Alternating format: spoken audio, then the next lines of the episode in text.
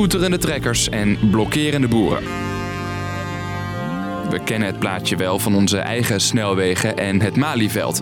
Maar de boeren die je hier hoort zijn Belgisch en Frans en Duits. Want ook in andere Europese landen gaan boeren weer de straat op. Waarom? Wat is er aan de hand en wat moet er volgens hen gebeuren? Ik ben Dennis en ik ploeg er met je doorheen. Lang verhaal kort. Een podcast van NOS op 3 en 3FM. 15.000 agenten die Parijs als een soort fort bewaken. Om de voedselvoorziening en luchthaven van de wereldstad te beschermen. Want de boeren beloofden de stad voor onbepaalde tijd te belegeren. Hier hoor je boeren in Zuid-Frankrijk die een vrachtwagen in brand steken en omverduwen met trekkers. En ook bij Antwerpen in België Door protesteren boerenprotesten boeren. in België is de E19 dicht. Ze blokkeren met hun tractoren de E19 tussen Breda en Antwerpen, een van de drukste wegen in Europa. Eerder waren er ook al protesten in Duitsland. Daar liep het bijvoorbeeld uit de hand toen zeker 100 boeren verhaal probeerden te halen. De groep probeerde een veerboot op te komen waar de minister van Economische Zaken op zat. Doet je allemaal misschien denken aan. Juist, ons eigen land. Want ook hier werden de boerenprotesten soms grimmig. Nee joh, hé wapens jongen, wapens. Hé, hey, rij weg jongen, rij weg. Wapens is daar. Aanleidingen voor die protesten verschillen.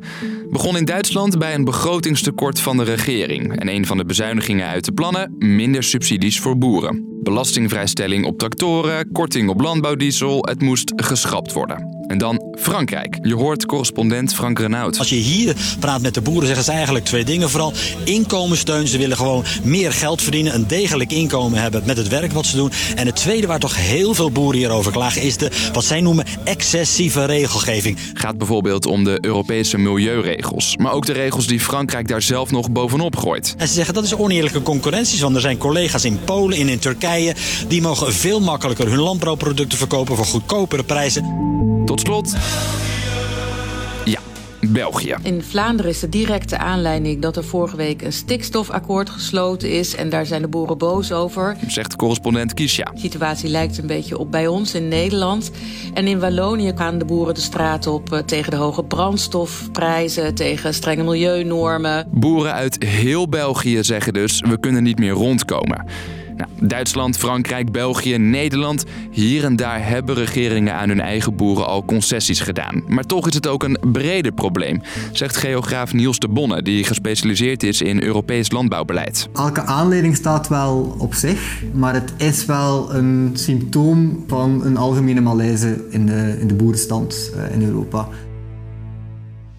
Een Europees probleem dus vraagt om een Europese oplossing volgens deze jonge boer, die ook in België is om te protesteren. Wat het eigenlijk het allerbelangrijkste is dat er nagedacht wordt over een beleid waarbij er een eerlijk speelveld wordt gecreëerd. Waarbij boeren weten dat als ze een investering doen, dat die ook terugbetaald wordt. En dat ze daarom ook de keuzes en de risico's kunnen maken en daarmee de toekomst van een bedrijf veilig kunnen stellen. Intussen is de voorzitter van de Europese Commissie, von der Leyen, die voorstander was van veel milieuregels, een charme-offensief gestart richting de boeren, zegt correspondent Kisha. Ja, in de wandelgangen hoor je al wel dat er bereidheid zou zijn om de komende maanden in ieder geval wat minder streng op al die regels eh, toe te zien. Want komend jaar zijn er weer verkiezingen in Europa. En dus wil von der Leyen de boeren, die in veel landen sympathie van burgers krijgen, te vriend houden. Want ze zijn als de dood dat eh, partijen aan de rechterflank, eh, de radicaal rechtse partijen, dat die hiervan gaan profiteren. En dat de middenpartijen gaan verliezen bij de, bij de Europese verkiezingen. Een ingewikkelde situatie dus voor de Europese leiders. Het is natuurlijk best ingewikkeld om de klimaatregels die je zelf de afgelopen jaren hebt bedacht, om die dan eh, publiekelijk af te gaan schalen of te zeggen, nou ja, daar ben ik eigenlijk nu niet meer zo heel erg voorstander van. Komende donderdag start een Europese top in Brussel, waar eigenlijk geld voor Oekraïne op de agenda staat. Maar ook deze ga je daar zeker weer horen.